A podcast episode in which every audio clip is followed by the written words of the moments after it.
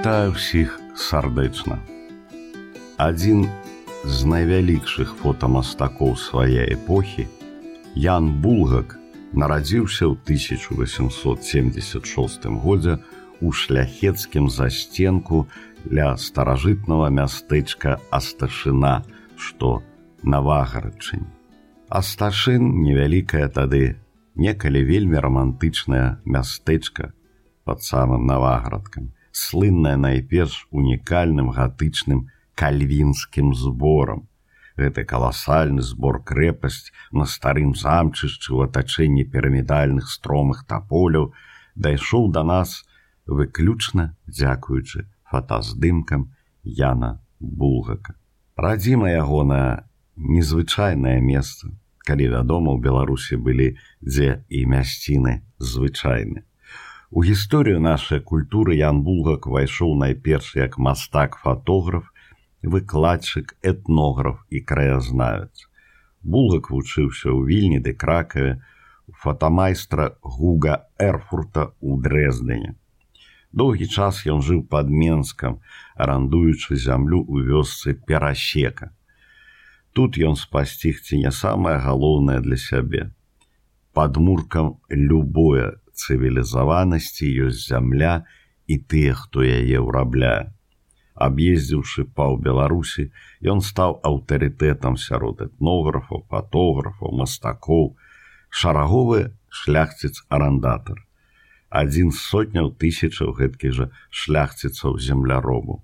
Пакуль булгак жыў да 1912 году пад Менскам, Ён стварыў цэлую галерею народных тыпаў і краявідаў цэнтральная Беларусі. Тыя здымкі, напрыклад, беларуская дзяўчына з-пад клецку або жабракі беларусы пад Менскам, ужо класіка нашай нацыянальнай школы фатаграфіі. Ягоныя здымкі, у кожным з якіх было памкненне неяк выламіць стэеатып, паглыбіць перспектыву, даць яшчэ яшчэ яшчэ больш паветра акрайца бясконцага космасу сустракалі гледачоў на старонках розных часопісаў. Земя квартальнік літэўскі вещь ілюстравана ды розных іншых сярод іншых і тагачасная наша ніва. Сяброўства булгака з беларушчынай пачалося летня з першых крокаў ва ўласную творчасць сярод тых, з кім ён ладзіў свае першыя шпацары павільні, гэтак званыя археалагічныя вандроўкі, былі найперш Іван Луцкевич і Фердынанд Рушчыц. У кватэры мастака рушчыца збіралася віленская інтэлігенцыя. Адзін са сталых гасцей рушчыца публіцыст Чэслаў Янкоўскі гэтак апісваў тыя салоны цытую кожны тыдзень по панядзелках вечарамі збіралася ўрушчыцца мастацка-літаратурная кампанія. Ніякіх захожых гасцей не бывала зразумела падчас сімпозіуму ніхто ніколі не гаварыў па-расейску. Падсілкаваўшыся падпіўшы пачыналі хтосьці ўжо дэкламуе хтосьці грае хтосьці спявае, калі не, то перашкаджаюць, падымаючы сур'ёзныя тэмы пра лёс краю. Канец цытат. Падчас аднае з тых вечарынаў на зарэчы Ян Булгак атрымаў замову ад гарадскога галавы вільні, спадара Михала Венслаўска стварыць поўны гарадскі фотоархіў рушчыц на раніцу не толькі нагадаў венслаўскаму аб прапазіцыі, але і здолеў упэўніць урад вільні у пільнай неабходнасці салідна фундаваць унікальны праект. Булгак, які дзякуючы гэткаму збегу абставінаў, здолеў перабрацца ў вільні з падменску, напісаў пра гэта так.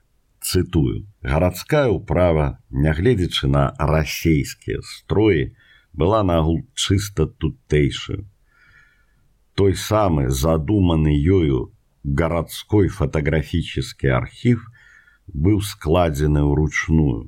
Я мусіў з кансультацыямі рушчыца інвентарызаваць усе помнікі віленскай архітэктуры пры дапамозе шэрагаў здымкаў здымкаў агульных і фрагментарных і ствараць з іх альбом як пазней сцвярджаў першы мастак жывапісец які не ігнараваў фатаграфіі не адмаўляў ёй у праве існаваць у мастацтве я мусіў арыгінальна распавесці пра дэталі мінулага выбітнага развіцця вільні. Канец цытаты. Задача перад булгакам паўставала куды шырэй, чым інвентарызацыя. Хараство вільні складалася з таго, што дае прырода і стварыў чалавек. Гэтыя словы мастака Фердынанда Рушчыца сталі дэвізам унікальнага праекту. З 1912 до 1919 году Булгак выканаў некалькі тысячаў здымкаў сакральнай архітэктуры, палацаў, могілак, вуліцаў і завулкаў вільні. Ягоную унурлівую і натхнёную працу не перапынялі ні нямецкія, ні бальшавіцкія акупацыі. Чароўны вобраз вільні панад часамі і ладамі, які булгак утрываліў навечна, паўстае перад намі бясконцую чарадою сюжэтаў і настрою святла і ценю. Пазней у сваёй кнізе эстэтыка святла у 1936 годзе булгак пісаў цытую архітэктура без сонца мёртвая і пляскатая. У той жа час як па-іншаму выглядае кожны гмах у сонечным бляску калі бакавое святло выяўляе пластыку брылёў і сценаў і дахаў, падкрэслівае сакавітасць арнаментыкі паглыбленняў вокнаў і парталаў, рытм аркадаў, узносіць стральчатасць вежак, хвалістую акругласць купалоў і шалому.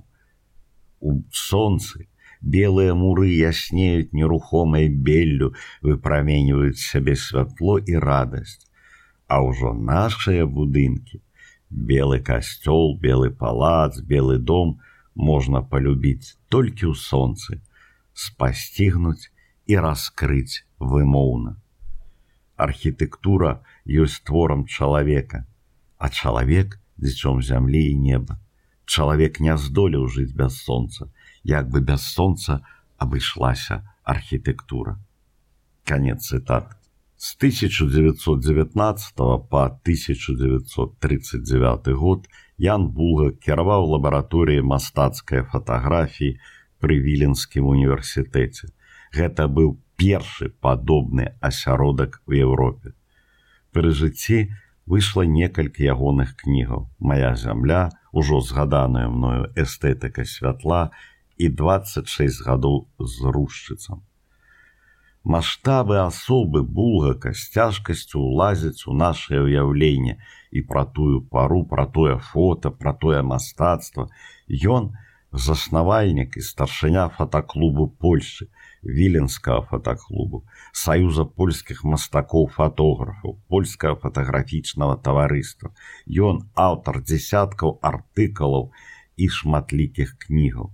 Фотограф падобна ўсялякаму мастаку задаецца мэтай узнавіць не самі рэчы бачнага свету, а свае асабістыя ўражанні, сваё ўспрыманне іх. Так вызначаў Ян Булгак сваё творчае крэда, але падуладным было яму не толькі мастацтва светлапісу, цікавыя і паэтычна напісаныя і ягоныя матэрыялы пра вандроўкі. Цытую: Лес стаіць і гамоніць па-даўняму, адвечны шумны бяздонны як мора а кожнае ягонае дрэва ёсць цудоўнай праяваю жыцця якога не выказаць словам якое толькі сэрцам і ўяўленнем можна пачуць. А калі ўжо прыгадалі аб водах дык колькі ж маглі б мы распавесці пра нашу свянцянска-браслаўскую поўнач пра край тысячы азёраў пра тую невымоўную пекную зялёна-блакітную мазаіку ўзгорыстага краю, дзе пануюць такія магутныя воды, як нарач, дрысвяты, свір, дрывяты, мядзел у атачэнні незлічонага мноства менша азёрнага люду. Канец цытаты. Менавіта булгак, пачынальнік нашай гісторыі фатаграфіі. Яму належыць спецыяльная праца пра першых віленскіх фатографаў з 19 стагоддзя, што таксама выйшла асобнай кнігай у вільні ў 1939 годзе. Але напрыканцы вайны у 1944 годзе ягоны каласальны архіў і фототэка былі панішчаныя полымем савецкай бомбардыроўкі. 10 ліпеня згарэў дом нумар 3 па вуліцы Ажэшкі, дзе мы пражылі 11 гадоў, паведамляе Ян Бугак на старонках машынапісу моя біяграфія. Згарэла шасціпакаёвая кватэра, а ў ім моя фатаграфічная майстэрня, архіў, негатывы і альбомы з дзесяцю тысячамі здымкаў, вялікая бібліятэка, калекцыя лістоў і газетных выцінак, рукапісы літаратурных твораў згарэла дашчэнту ўсё, над чым я працаваў і што я збіраў на працягу сорока гадоў загінуў, абярнуўся ў попел, весь мой фатаграфічны і літаратурны набытак. Канец цытаты. Але багата чаго ацалела у архівах і прыватных зборах і да сёння що яшчэ знаходзяць здымкі Яна Булгака. Па вайне Булгак ўсё ж зноў вяртаецца да віленскіх краявідаў і да кола старых сяброў Урэшце Ян Булак пакідае радзіму і едзе ў варшаву, дзе кіраваў саюзам польскіх фатографаў да 1947 года.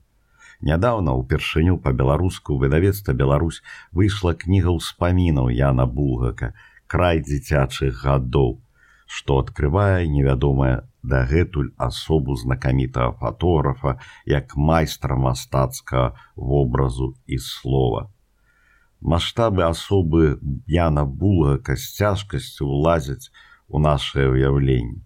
Як пісаў выдатны наш айчынны мастацтвазнаўца, этнограф і фотамастак Михась Раманюк, яна знаёміць з жыццём і творчасцю фатографаў, якія, акрамя партрэтаў, зробленых у павільёне заняліся мастацкай фатаграфіяй краявідаў культавай архітэктуры.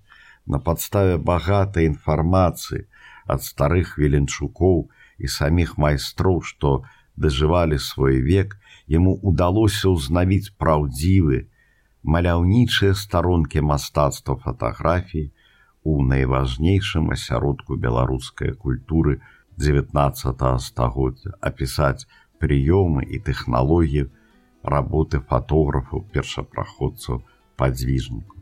На чарзе выданне па-беларуску і іншых ягоных рукапісаў, а таксама пераклад ягоных кнігаў.